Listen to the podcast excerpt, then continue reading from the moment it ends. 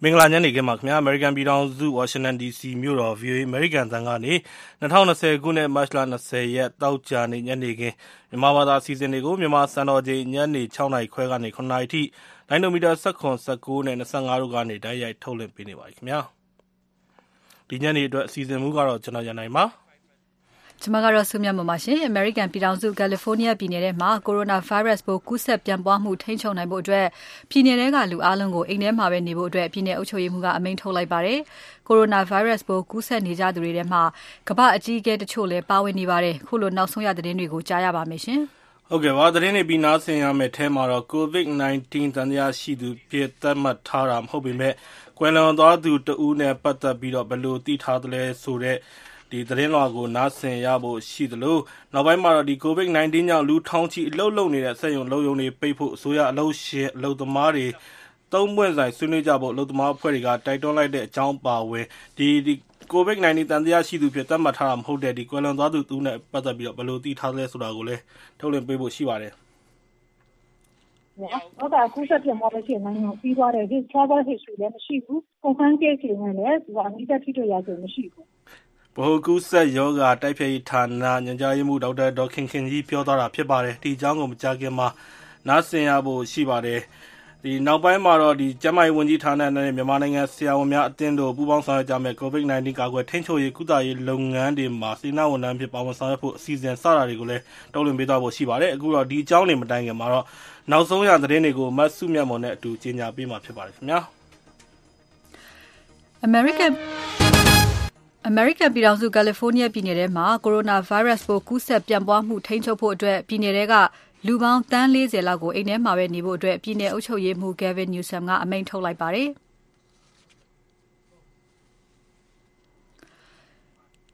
ကြာသပတေးနေ့ညပိုင်းကစပြီး California ပြည်နယ်တခုလုံးမှာ ရှိနေကြသူတွေကို အိမ်တွေထဲမှာပဲ နေကြဖို့ အမိန့်ထုတ်ကြောင်း ပြည်နယ်အုပ်ချုပ်ရေးမှူးက မနေ့က ကြေညာခဲ့တာပါ။ ဒီအမိန့်ကိုပြည်သူတွေလိုက်နာကြမယ်လို့အခိုင်အမာယုံကြည်တယ်လို့လည်းပြည်နယ်အုပ်ချုပ်ရေးမှူးကပြောပါတယ်။ California ပြည်နယ်တဝန်း Coronavirus ပိုးကူးစက်သူ၁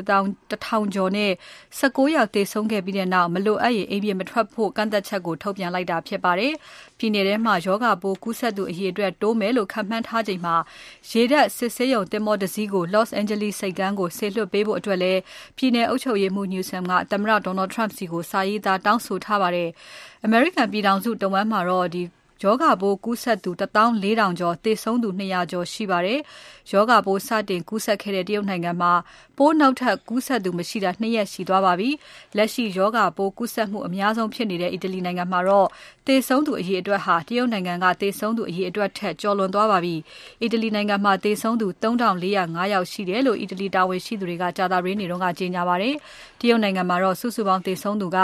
ထောင့်၂၄၈ယောက်ဖြစ်ပါတယ်။တရုတ်ပြီးရင်အာရှမှာကူးစက်သူအများဆုံးတောင်ကိုရီးယားနိုင်ငံမှာလည်းနေ့စဉ်ပိုးကူးစက်သူအရေအတွက်၁၀၀အောက်ရောက်နေရာကနေပြန်များနေပြီးကြာသပတေးနေ့ကကူးစက်သူ၁၅၂ယောက်ရှိခဲ့ပါတယ်။ဂျာမနီနိုင်ငံမှာလည်းကြာသပတေးနေ့ကရောဂါပိုးကူးစက်သူအသစ်၂၈၀၀အထိတိုးသွားခဲ့ပါတယ်။ တယောက်နဲ့တယောက်ခပ်ခွာခွာမနေတာအပါအဝင်ပိုးမကူးအောင်ရှောင်ကြဉ်သင့်တဲ့ကိစ္စတွေကိုအသေအချာမလိုက်နာဘူးဆိုရင်ဂျာမန်၁၀သန်းလောက်အထိရောဂါပိုးကူးစက်နိုင်တယ်လို့တာဝန်ရှိသူတွေကသတိပေးထားပါတယ်။ Australia နဲ့ New Zealand နိုင်ငံတွေမှာတော့ Coronavirus ပိုးကူးစက်မှုထိန်းချုပ်တဲ့အနေနဲ့နိုင်ငံသားနဲ့အမြဲတမ်းနေထိုင်သူမဟုတ်ရင်နိုင်ငံထဲဝင်ခွင့်ကိုဒီနေ့ကစပြီးတားမြစ်ထားပါတယ်။ကမ္ဘာတဝန်းမှာ Coronavirus ပိုးကူးစက်သူ၂သိန်း၄သောင်းကျော်ရှိနေပြီးသေဆုံးသူ၁သောင်းကျော်သွားပါပြီ။ တောင်ကိုရီးယား၊တရုတ်နဲ့ ဂျပန်နိုင်ငံမှာ နိုင်ငံ့စီးပွားရေး ကျမသွားအောင် ဆက်ထိန်းထားဖို့ ကြိုးစားနေတာနဲ့အမျှ Coronavirus ကပ်ရောဂါနဲ့ဆိုင်တဲ့ အချက်အလက်တွေ၊ရောဂါထပ်ပြီး မပြန့်ပွားအောင် ဘယ်လိုထိန်းချုပ်မလဲဆိုတဲ့ စူးစမ်းရှာဖွေမှုတွေ လုပ်နိုင်ဖို့ သတင်းအချက်အလက်တွေကို မျှဝေနေကြပါတယ်။ပြည်ပကနေ ဝင်ရောက်ပျံ့နှံ့လာတဲ့ Coronavirus ကာကွယ်ထိန်းချုပ်ရေး ပူးပေါင်းဆောင်ရွက်နိုင်ဖို့သုံးနိုင်ငံ နိုင်ငံခြားရေးဝန်ကြီးတွေ သောကြာနေ့မှာ Video Conference ခေါ်ပြီးဆွေးနွေးခဲ့ကြတာပါ။ဒီကိစ္စဟာသုံးနိုင်ငံစလုံးမှာရှိတဲ့ ပြည်သူပြည်သားတွေရဲ့ အသက်ဘေးအပေါ်တိုက်ရိုက်သက်ရောက်မှု ရှိနေတယ်လို့ တောင်ကိုရီးယား နိုင်ငံခြားရေးဝန်ကြီး Kang Kyung-Wha က အစည်းအဝေးမှာပြောဆိုခဲ့ပါတယ်။လူအချင်းချင်း COVID-19 ရောဂါ ကူးစက်မှု နည်းနိုင်သမျှ နည်းသွားအောင်လုပ်ဖို့သုံးနိုင်ငံကြား နယ်စပ်တွေ တင်းတင်းကြပ်ကြပ် ထိန်းချုပ်ထားပြီး လေယာဉ်ခရီးစဉ်တွေကိုပါ အကြီးအကျယ် လျှော့ချထားတာ ဖြစ်တဲ့အတွက် ပြည်တွင်းစီးပွားရေး ကျမသွားအောင် အားလုံး ပူးပေါင်းဆောင်ရွက်မှဖြစ်လိမ့်မယ်လို့ တောင်ကိုရီးယားနိုင်ငံခြားရေးဝန်ကြီး Kang Kyung-wha က ပြောပါတယ်။တချိန်တည်းမှာပဲ ဥရောပက ရောက်လာတဲ့သူတွေကို ၁၄ ရက်ကြာ မဖြစ်မနေ သီးခြားခွဲနေထိုင်ရမယ်လို့ တောင်ကိုရီးယားက သတ်မှတ်လိုက်ပါတယ်။တောင်ကိုရီးယားမှာ ပိုးကူးစက်ခံထားရသူ လူနာ ၈၇ ယောက် တိုးလာတာကြောင့် သောကြာနေ့အထိဆိုရင် ပိုးကူးခံထားရသူ စုစုပေါင်း ၈,၆၅၂ ဦး ရှိသွားပြီဖြစ်တယ်လို့ တောင်ကိုရီးယား ကူးစက်ရောဂါ ကာကွယ်ထိန်းချုပ်ရေးဌာနက ပြောပါတယ်။ COVID-19 ကပ်ရောဂါဂယက်ကြောင့် အမေရိကန်အစုရှယ်ယာဈေးတွေ ထိုးမကျသွားခင် ဖေဖော်ဝါရီလတုန်းက အမေရိကန်အထက်လွှတ်တော် ထောက်လှမ်းရေးကော်မတီဥက္ကဋ္ဌက သူ့ရဲ့အစုရှယ်ယာအမြောက်အများကို ထုတ်ရောင်းခဲ့ပါတယ်။မြောက် Carolina ပြည်နယ် Republican အထက်လွှတ်တော်အမတ် Richard Burr ကဖေဖော်ဝါရီလမှာပဲ ပြည်နယ်ထဲက စီးပွားရေးလုပ်ငန်းရှင်တွေ သီးသန့်ဖွဲ့ထားတဲ့အဖွဲ့ကို Coronavirus ပိုးဂယက်က အစုရှယ်ယာဈေးကွက်အပေါ် ရိုက်ခတ်လိမ့်မယ်လို့ သတိပေးခဲ့တဲ့အကြောင်း NPR သတင်းဌာနနဲ့ Washington Post သတင်းစာကြီးတို့မှာ သတင်းဖော်ပြခဲ့ကြပါတယ်။သူအဲဒီလို တဖက်မှာ ပြောနေတဲ့ တချိန်ထဲမှာပဲအမေရိကန်အစုရှယ်ယာဈေးကွက်အပေါ် စိတ်ချယုံကြည်မှုရှိတယ်လို့ တဖက်မှာလည်း လူသိရှင်ကြား ပြောကြားခဲ့တာဖြစ်ပါတယ်။ဒါပေမဲ့ စီးပွားရေးသမားတွေကို သူကပြောကြားရာမှာတော့ Coronavirus ပြဿနာဟာ ၁၉၁၈ ခုနှစ်ကဖြစ်ခဲ့တဲ့ ကပ်ရောဂါကြီးထက် ပိုဆိုးကောင်း ဆိုးနိုင်တယ်လို့ ပြောခဲ့တာပါ။သူပိုင်တဲ့ အစုရှယ်ယာ ဒေါ်လာ ၁.၇ သန်းလောက်အထိကို ထုတ်ရောင်းခဲ့တာမှာ အဲဒီအစုရှယ်ယာတွေက Coronavirus ပိုးကြောင့် ဈေးထိုးကျခဲ့တဲ့ ကျန်းမာရေး၊ဟိုတယ်လုပ်ငန်း၊စားသောက်ဆိုင်လုပ်ငန်းတို့မှာ ရင်းနှီးမြှုပ်နှံထားတဲ့ အစုရှယ်ယာတွေဖြစ်ပါတယ်။ လွှတ်တော်အမတ်တွေ၊အစိုးရတာဝန်ရှိသူတွေအနေနဲ့ ဘဏ္ဍာရေးနဲ့ပတ်သက်တဲ့ အတွင်းသတင်းအချက်အလက်တွေကို အခွင့်ကောင်းယူအသုံးချတာ အမေရိကန်မှာ ဥပဒေချိုးဖောက်ရာ ရောက်ပါတယ်။ COVID-19 ရဲ့ဂယက်ကြောင့် ဘဏ္ဍာရေးလုပ်ငန်းတွေ ထိခိုက်နိုင်တယ်ဆိုတဲ့သတင်း သိခဲ့ရပြီးနောက် အထက်လွှတ်တော် ကျန်းမာရေးကော်မတီဝင် Georgia ပြည်နယ် Republican အထက်လွှတ်တော်အမတ် Kelly Loeffler ဟာလည်းအလားတူဒေါ်လာသန်းချီတန်ဖိုးရှိတဲ့အစုရှယ်ယာတွေထုတ်ရောင်းခဲ့တယ်လို့ Daily Beast အွန်လိုင်းသတင်း Website ကသတင်းထုတ်ပြန်ပါတယ်။ Coronavirus ပိုးနဲ့ပတ်သက်လို့အထက်လွှတ်တော်အမတ်တွေသီးသန့်ဆွေးနွေးပွဲလုပ်ပြီးရက်ပိုင်းသီတင်းပတ်ပိုင်းအတွင်းမှာပဲအစုရှယ်ယာတွေကိုလွှတ်တော်အမတ် Kelly Loeffler ထုတ်ရောင်းခဲ့တယ်လို့သတင်းမှာဖော်ပြခဲ့ပါတယ်။ ကမ္ဘာအနှံ့ကူးစက်ပျံ့နှံ့နေတဲ့ Coronavirus ကာကွယ်ထိန်းချုပ်ရေး လုပ်ဆောင်ချက်အဖြစ် အာဂျင်တီးနားနိုင်ငံမှာ လူတိုင်း ၁၁ ရက်ကြာ မဖြစ်မနေ သီးခြားခွဲနေကြရမယ်လို့ အာဂျင်တီးနားသမ္မတက ပြောလိုက်ပါတယ်။ဒေသစံတော်ချိန် သောကြာနေ့ ညသန်းခေါင်ကနေ မတ်လ ၃၁ ရက်နေ့ ညသန်းခေါင်အထိ လူတိုင်း အိမ်ထဲမှာပဲ နေကြရမယ်လို့ သမ္မတ Alberto Fernandez က ရုပ်မြင်သံကြားကနေ ကြာသပတေးနေ့ နိုင်ငံတော်မိန့်ခွန်းမှာ ကြေညာသွားခဲ့ပါတယ်။ချက်ပြုတ်စရာတွေ ဝယ်ခြမ်းဖို့နဲ့ တခြားလိုအပ်တဲ့ ပစ္စည်းတွေ ဝယ်ဖို့ကိုတော့ ခွင့်ပြုကြောင်း သမ္မတ Fernandez က ပြောပါတယ်။ အကြောင်းပြချက်မခိုင်လုံဘဲလမ်းပေါ်ထွက်လာတဲ့လူတွေကိုပြစ်မှုဥပဒေအရပြစ်ဒဏ်ပေးမယ်လို့လည်းပြောပါတယ်။အာဂျင်တီးနားပြည်သူပြည်သားတွေအတွက်အလေးထားပြီးခုလိုလုပ်ကိုင်ရတဲ့အပေါ်နားလည်မှုရှိကြပါလို့လည်းသမ္မတကပန်ကြားသွားပါတယ်။သောကြာနေ့မှာအဝင်အထွက်မပိတ်ခင်မှာတော့လိုအပ်တဲ့စားနပ်ရိက္ခာတွေနဲ့ဆေးဝါးတွေဝယ်ဖို့ဈေးဝယ်စင်တာတွေမှာလူတွေတန်းစီဝယ်ယူခဲ့ကြပါတယ်။ခုချိန်ထိဆိုရင်အာဂျင်တီးနားမှာ Coronavirus ကူးစက်ခံထားရသူ၁၂၈ဦးရှိနေပြီးသေဆုံးသူက၃ဦးရှိပါတယ်။ ပိုးကူးစက်ပြန့်ပွားမှု ထိန်းချုပ်ရေးအတွက် အာဂျင်တီးနားနိုင်ငံသား မဟုတ်သူတွေကို ပြည်ဝင်ခွင့်မပြုတာ၊လေကြောင်းခရီးစဉ်တွေကို ရပ်နားလိုက်တာနဲ့ စာသင်ကျောင်းတွေပိတ်ထားတာတွေလည်း လုပ်ထားပါတယ်။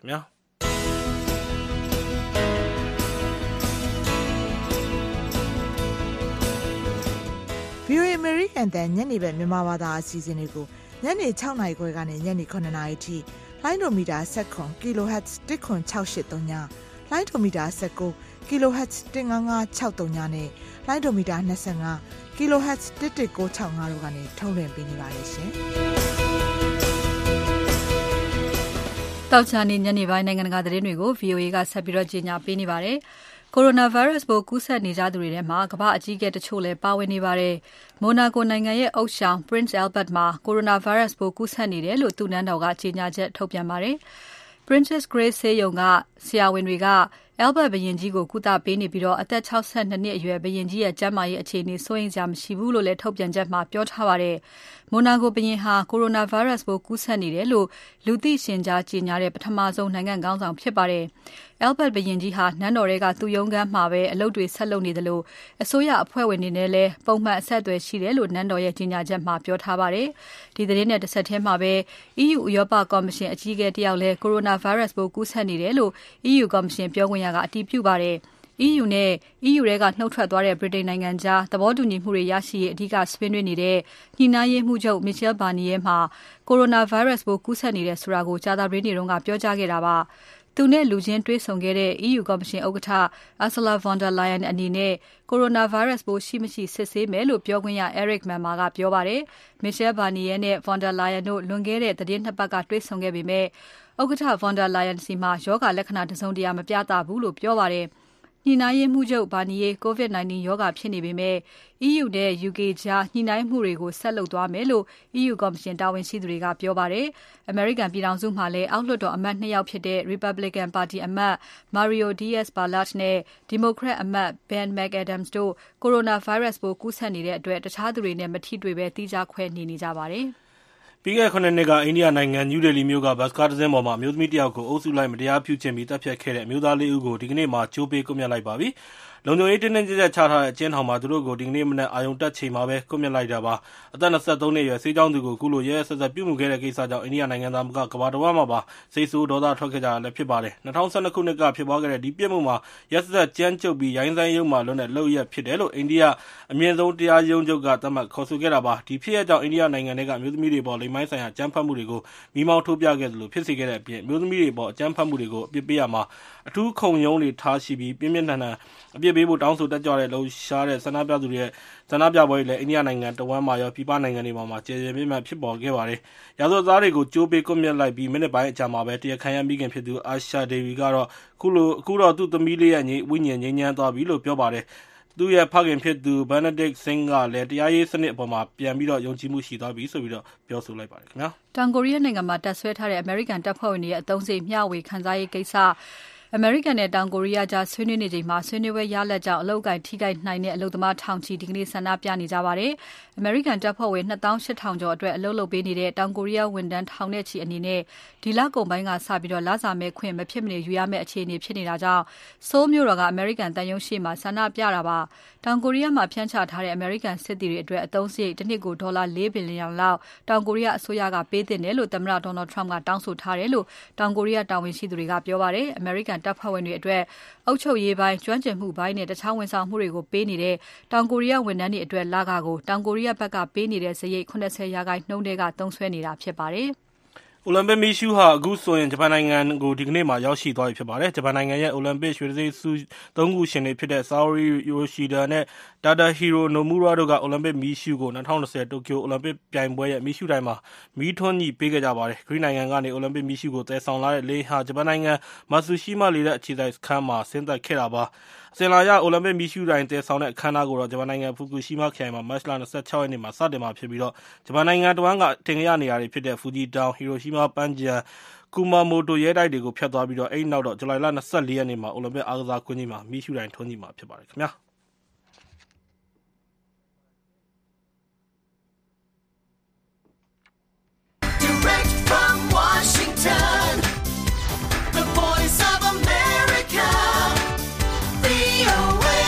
သောကြာနေ့ညနေခင်းနောက်ဆုံးရမြန်မာနဲ့နိုင်ငံတကာသတင်းတွေကိုမစုမြတ်မွန်နဲ့အတူတင်ပြပေးခဲ့တာဖြစ်ပါတယ်။ဗွီအိုအေမြန်မာပိုင်းကနေကျနော်တို့အခုထုတ်လွှင့်ပေးနေတဲ့အစီအစဉ်တွေကိုကျနော်တို့ရဲ့အင်တာနက်စာမျက်နှာဖြစ်တဲ့ burmese.voanews.com နဲ့ဗွီအိုအေရဲ့ Facebook မှာပါလွှင့်နေတဲ့အချိန်နဲ့တပြိုင်တည်းတိုက်ရိုက်နားဆင်နိုင်ပါတယ်။အခုတော့သတင်းဆောင်းပါးတွေကိုတင်ပြပေးသွားမှာဖြစ်ပါတယ်။အရင်ဆုံးတော့ COVID-19 လို့ခေါ်တဲ့ Coronavirus ကူးစက်ရောဂါနဲ့ပတ်သက်တဲ့သတင်းတွေကိုပြောပြပေးချင်ပါတယ်။ မြန်မာနိုင်ငံတွင်းမှာ COVID-19 သံသယနဲ့ စောင့်ကြည့်ခံနေရတဲ့ စာရင်းထဲက သေဆုံးခဲ့သူဟာ ၈ ဦး ရှိသွားပါပြီ။ကြို့ပင်ကောက်မြို့နယ်ထဲက သေဆုံးသူတဦးကိုတော့ သေဆုံးပြီးမှ ရောဂါပိုးရှိနိုင်တယ်ဆိုတဲ့ သံသယနဲ့ ဓာတ်ခွဲစမ်းသပ်မှု လုပ်ခဲ့ပါတယ်။မြန်မာနိုင်ငံတွင်းမှာ ကိုရိုနာရောဂါ ဓာတ်ခွဲအတည်ပြုလူနာ မတွေ့ရှိသေးပေမဲ့ ရောဂါကာကွယ်ရေးအတွက် ကျန်းမာရေးဌာန တာဝန်ရှိသူတွေက အထူးကြပ်မတ်ဆောင်ရွက်နေတယ်လို့ ဆိုပါတယ်။ ကျန်းမာရေးနဲ့ အားကစားဝန်ကြီးဌာနရဲ့ မနေ့ညက ထုတ်ပြန်ချက်ထဲမှာ ကြို့ပင်ကောက်မြို့က ပုဂ္ဂလိကဆေးရုံတခုမှာ တက်ရောက်ကုသနေတဲ့ အသက် ၇၁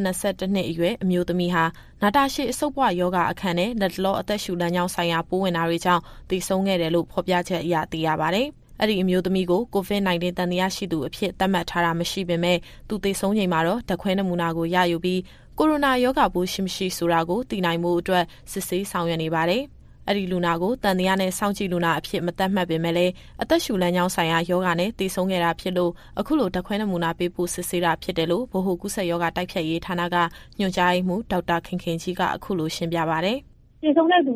နာကို ကြည့်မယ်ဆိုရင် ရောဂါကူးစက်ပြန့်ပွားလို့ရှိရင် နိုင်ငံကို ခရီးသွားတဲ့ Travel History လည်း မရှိဘူး။ Confirm Case တွေနဲ့လည်းသူကနီးစပ်ထိတွေ့ခဲ့ခြင်းမရှိဘူး။ဒါပေမဲ့သူ့ပြတိတ်ဆုံးလူနာထံမှာ နမူနာရယူပြီးတော့ ပို့တယ်ဆိုတော့ तू ကစောင့်ကြည့်လူနာတွေတော့မပါဘူး ဒါပေမဲ့လို့ဘယ်လိုပြောပြောသက်ရှူလမ်းကြောင်းနဲ့ဆိုင်တဲ့ယောဂဆိုတော့ ဘက်တီးရီးယားကြောင့်လည်း ဖြစ်နိုင်တယ် ဗိုင်းရပ်စ်ကြောင့်လည်း ဖြစ်နိုင်တယ်ဒီနေ့ကကျမတို့အနေနဲ့ဒဲဥစာကို ကျမတို့ရဲ့ဒီကိုတန်တရားလူနာ စောင့်ကြည့်လူနာတွေမှာ မပါဘူး မပါဘဲလို့ သူ့တရားဆန့်ပါကို ကျမတို့ ရယူပြီးတော့ ပေးဖို့စစ်စစ်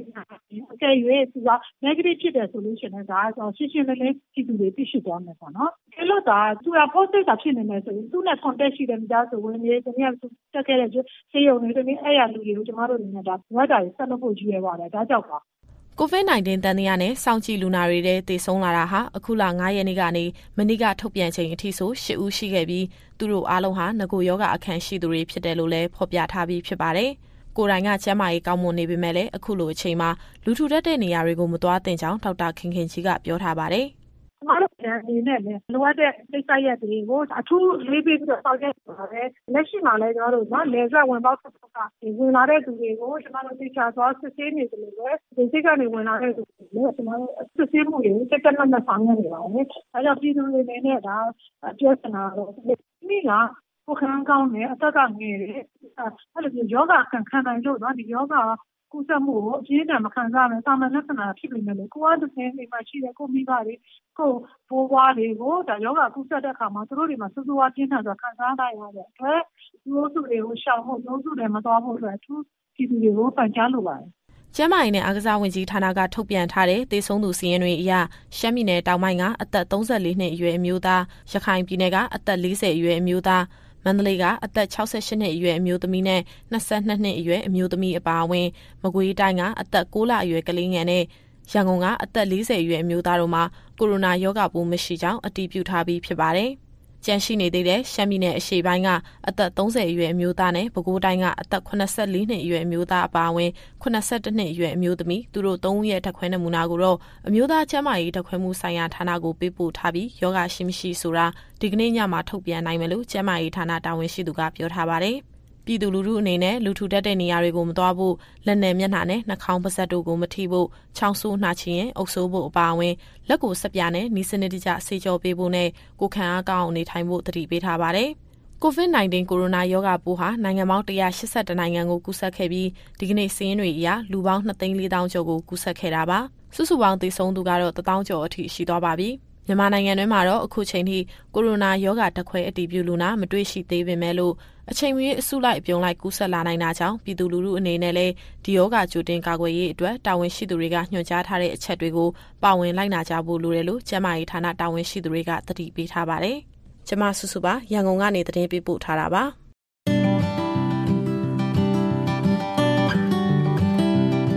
COVID-19 ရောဂါဆိုင်ရာအရေးပေါ်အခြေအနေသတ်မှတ်ချက်ရှိတဲ့အတွက် ပုံမှန်ထုတ်လွှင့်နေကြအစီအစဉ်အတိုင်းမဟုတ်ဘဲအရေးပေါ်အစီအစဉ်ပုံစံပြောင်းလဲထုတ်လွှင့်နေတာဖြစ်ပါတယ်ခင်ဗျာ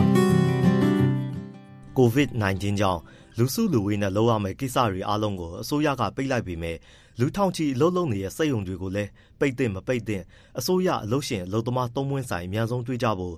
မြန်မာနိုင်ငံလုံးဆိုင်ရာအလုပ်သမားသမဂ္ဂများအဖွဲ့ချုပ် CTUM ကမတ်လ19ရက်ကတိုက်တွန်းထားပါတယ်။ဒီတိုက်တွန်းမှုကိုအစိုးရကလက်တလောမတုံ့ပြန်သေးပါဘူး စက်ယုံတွေ ယာယီပိတ်လိုက်တဲ့ အခြေအနေက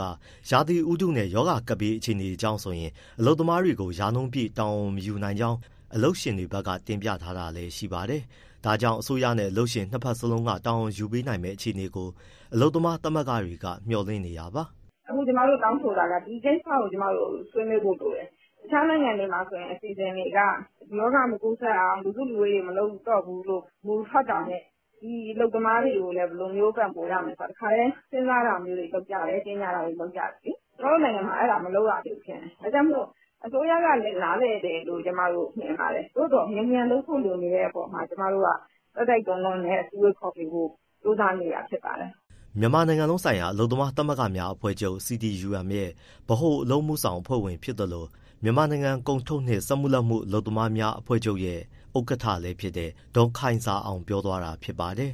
။တကယ်လို့ အစိုးရအစီအစဉ်နဲ့ စက်ရုံတွေကို ပိတ်လိုက်ပြီဆိုရင် အလုပ်သမားတွေကို အခြေခံလစာအတိုင်း ထောက်ပံ့ကြေးပေးသင့်တယ်လို့ သမဂ္ဂတွေက ပြောပါတယ်။ဒါက အလုပ်ရှင်ကတစ်ဖက်သက်ပိတ်တာမဟုတ်လို့ အလုပ်ရှင်နဲ့ အစိုးရပေါင်းပြီး အချိုးကျပေးသင့် မပေးသင့်ဆိုတာတွေ ကြိုတင်ညှိနှိုင်းသင့်တယ်လို့ ဒေါ်ခိုင်ဇာအောင်က ဆက်ပြောပါတယ်။“အဲတော့ ပေးရမယ်ဆိုရင်တော့ဘယ်နှစ်ရာခိုင်နှုန်းပေးမလဲ၊ဘယ်လိုပေးထားမလဲ အလုပ်ရှင်တွေက ဒါကိုပေးလိုက်တဲ့အတွက်ကြောင့်မို့လို့သူတို့မှာ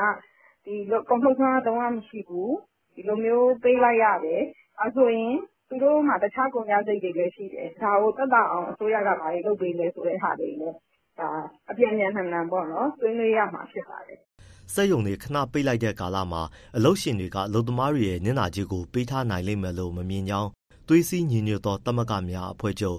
STUM ရဲ့ လှိုင်သာယာတာဝန်ခံ ကိုထွန်းထွန်းနိုင်က ပြောပါတယ်။“အလုပ်ရှင်တွေကတော့ အဲလို ကြားခံနိုင်တယ်မထင်ဘူး ကျနော်ကတော့။ဒီလူက တယောက်နှစ်ယောက်မှ မဟုတ်တာ ရာထောင်ချီပြီးတော့ ပေးနေရမှာဆိုတော့ အလုပ်ဝင်ငွေ မရှိတဲ့အခါကျတော့ သူတို့က ဒီပိုက်ဆံတွေကို ပေးနိုင်မယ်လို့ မထင်ဘူး။သူတို့ကလည်း ငြင်းမှာပဲ အတတ်နိုင်ဆုံး။”ပြည်တွင်းကုန်ထုတ်လုပ်မှုမှာ CMP အထည်ချုပ်လုပ်ငန်းတွေက ဦးဆောင်နေပြီး အလုပ်သမားငါးသိန်းလောက် လုပ်ကိုင်နေကြပါတယ်။အလုပ်သမားတွေက ဒီရောဂါထဲ အလုပ်တွေ ရပ်နားလိုက်ရမှာ ပိုပြီး စိုးရိမ်နေကြတယ်လို့ ဆိုပါတယ်။“သူတို့က အလုပ်လုပ်ရမှလည်း သူတို့ရဲ့ စားဝတ်နေရေး အဆင်ပြေတယ်။မိသားစုကို ထောက်ပံ့နိုင်တယ်ပေါ့။အလုပ်မလုပ်ရတဲ့အချိန်ကျရင် ဒီစားဝတ်နေရေးတွေ မထောက်ပံ့ရမှာရယ် သူတို့က အဲဒါတွေကိုအဓိကဒီရောဂါက ပိုပြီးတော့ စိုးရိမ်တယ်သူတို့က။ STUM က ကိုထွန်းထွန်းနိုင် ပြောသွားတာပါ။နေပြည်တော်မှာ မတ်လ ၁၈ ရက်က ကျင်းပခဲ့တဲ့ COVID-19 ကြောင့် ဖြစ်ပေါ်လာတဲ့ စီးပွားရေး သက်ရောက်မှုများအပေါ် ကုစားနိုင်ရေး ကော်မတီ အစည်းအဝေး ဆုံးဖြတ်ချက်မှာ စီးပွားရေး ထိခိုက်မှု အများဆုံး ဖြစ်လာနိုင်တဲ့ အထည်ချုပ်လုပ်ငန်းတွေ၊ ခရီးသွားလုပ်ငန်းတွေ၊အသေးစားနဲ့ အလတ်စား စီးပွားရေးလုပ်ငန်းတွေကို ဦးစားပေးအဆင့် သတ်မှတ်သွားမယ်လို့ ပါရှိပါတယ်။ပြီးတော့ ပြည်ထောင်စုအစိုးရအဖွဲ့ ခွင့်ပြုချက်နဲ့ နိုင်ငံတော်ရန်ပုံငွေထဲက ကျပ်ငွေ ဘီလီယံ ၅၀၊လူမှုဖူလုံရေး ရန်ပုံငွေထဲက ဘီလီယံ ၅၀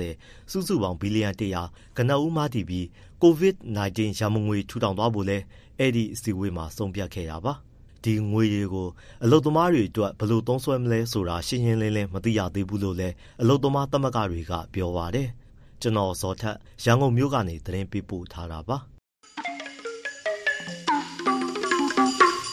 သောရရှင်များရှင်ကိုရိုနာဗိုင်းရပ်စ်ကူးစက်ပြန့်နှံ့မှုတွေကြောင့်ကမ္ဘာတစ်ဝန်းငွေကြေးဈေးကွက်ဖိဖိသားသားကျဆင်းပြီးစီးပွားရေးအပေါ်ရိုက်ခတ်မှုတွေတိုးလာနေပါတယ်။ဒါကြောင့်စီးပွားရေးကိုကြားခံပေးနိုင်မဲ့အရေးပေါ်အစီအစဉ်တွေကိုကမ္ဘာနိုင်ငံအတော်များများမှာချမှတ်လှုပ်ဆောင်လာနေကြပါတယ်။ဒီ virus ပိုးကူးစက်မှုမရှိသေးဘူးလို့ထုတ်ပြန်ထားတဲ့မြန်မာနိုင်ငံမှာရောကိုရိုနာကြက်ကြောင့်စီးပွားရေးရိုက်ခတ်မှုဘာတွေရှိနေပါလဲ။ ရိုက်ခတ်မှုကဘယ်လောက်ထိဆိုးလာနိုင်ပွဲရှိပါလဲ။ရိုက်ခတ်မှုတွေနည်းအောင်ဘာတွေတုံ့ပြန်ကင်တွယ်သင့်တယ်လဲဆိုတာတွေကိုစနေနေ့ညတိုက်ရိုက်လေလိုက်စီစဉ်မှာဆွေးနွေးကြရအောင်ပါရှင်။ပါဝင်ဆွေးနွေးမေးမြန်းလူသူတွေအနေနဲ့ VOA ရဲ့ဖုန်းနံပါတ်12392 382 999လေးကိုခေါ်ယူပြီးဆက်သွယ်ရမယ့်တယ်လီဖုန်းနံပါတ်ကိုကြိုတင်ပေးပို့ထားနိုင်ပါတယ်။ ကိုယ်တိုင်မပါဝင်နိုင်တဲ့သူတွေအနေနဲ့လည်းအီးမေးလ်နဲ့ပဲဖြစ်ဖြစ်အသံဖိုင်နဲ့ပဲဖြစ်ဖြစ် VOA ရဲ့အီးမေးလ်လိပ်စာ burmese@voanews.com ကိုကြိုတင်ပေးပို့ထားနိုင်တယ်လို့ VOA ရဲ့ Facebook စာမျက်နှာမှာလည်းမှတ်ချက်တွေကြိုတင်ရေးသားပေးပို့ထားနိုင်ပါတယ်။စနေနေ့ညဓာတ်ရိုက်ဒီလိုက်စီစဉ်ကကြိုဆိုပါရရှင်။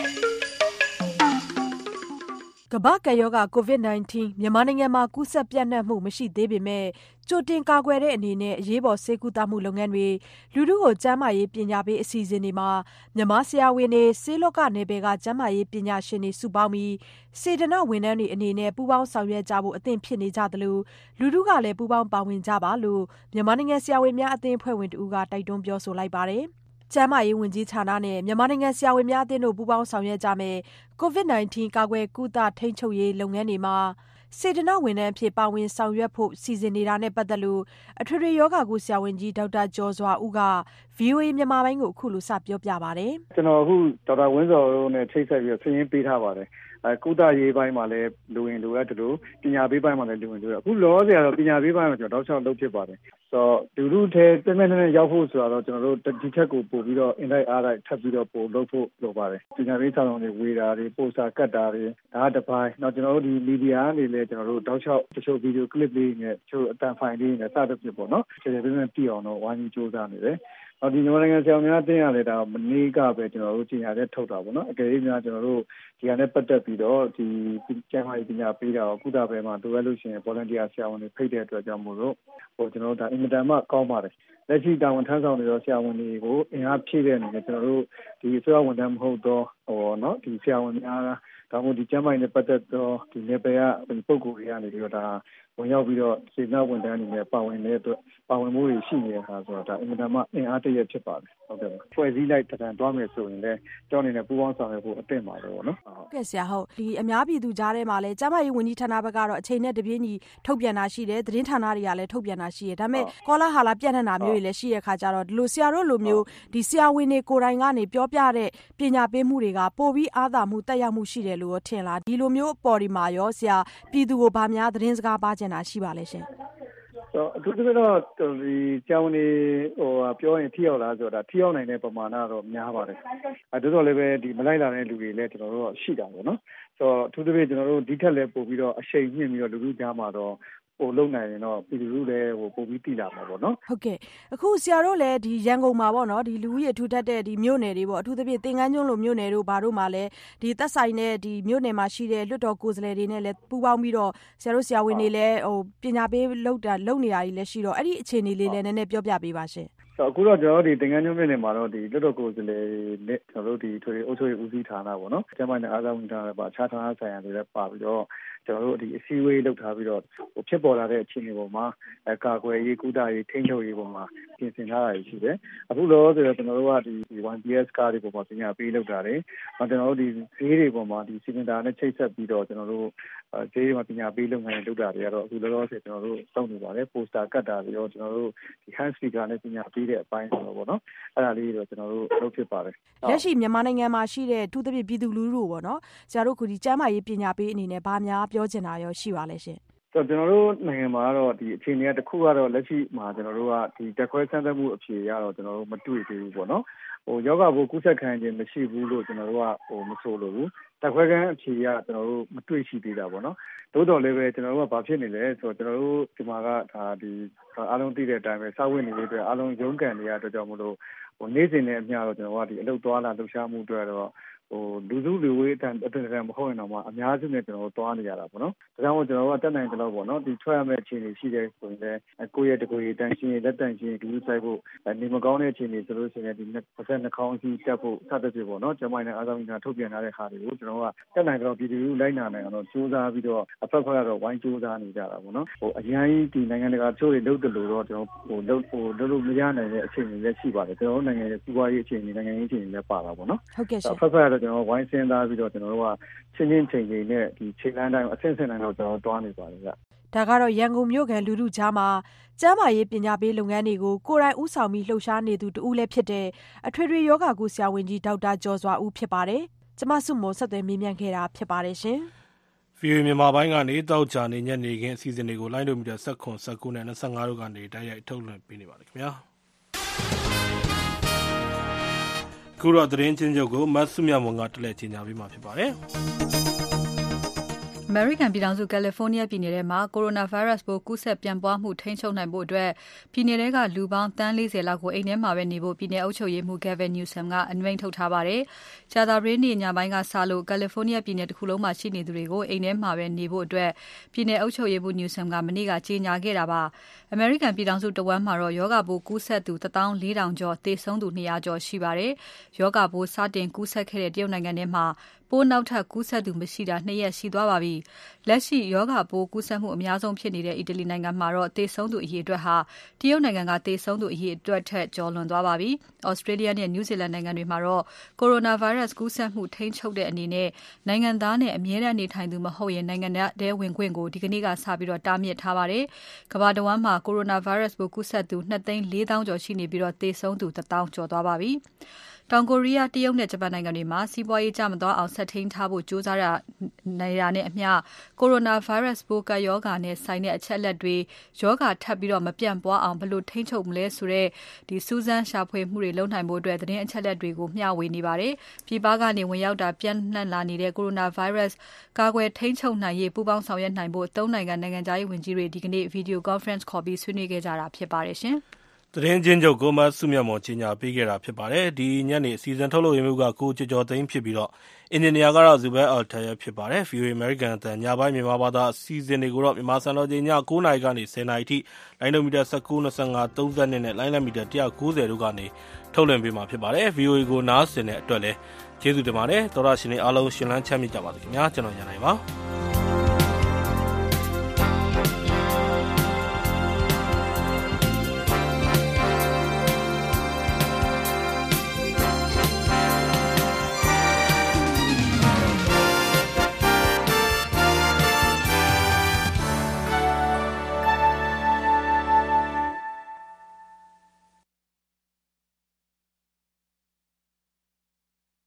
This program has come to you from the Voice of America, Washington.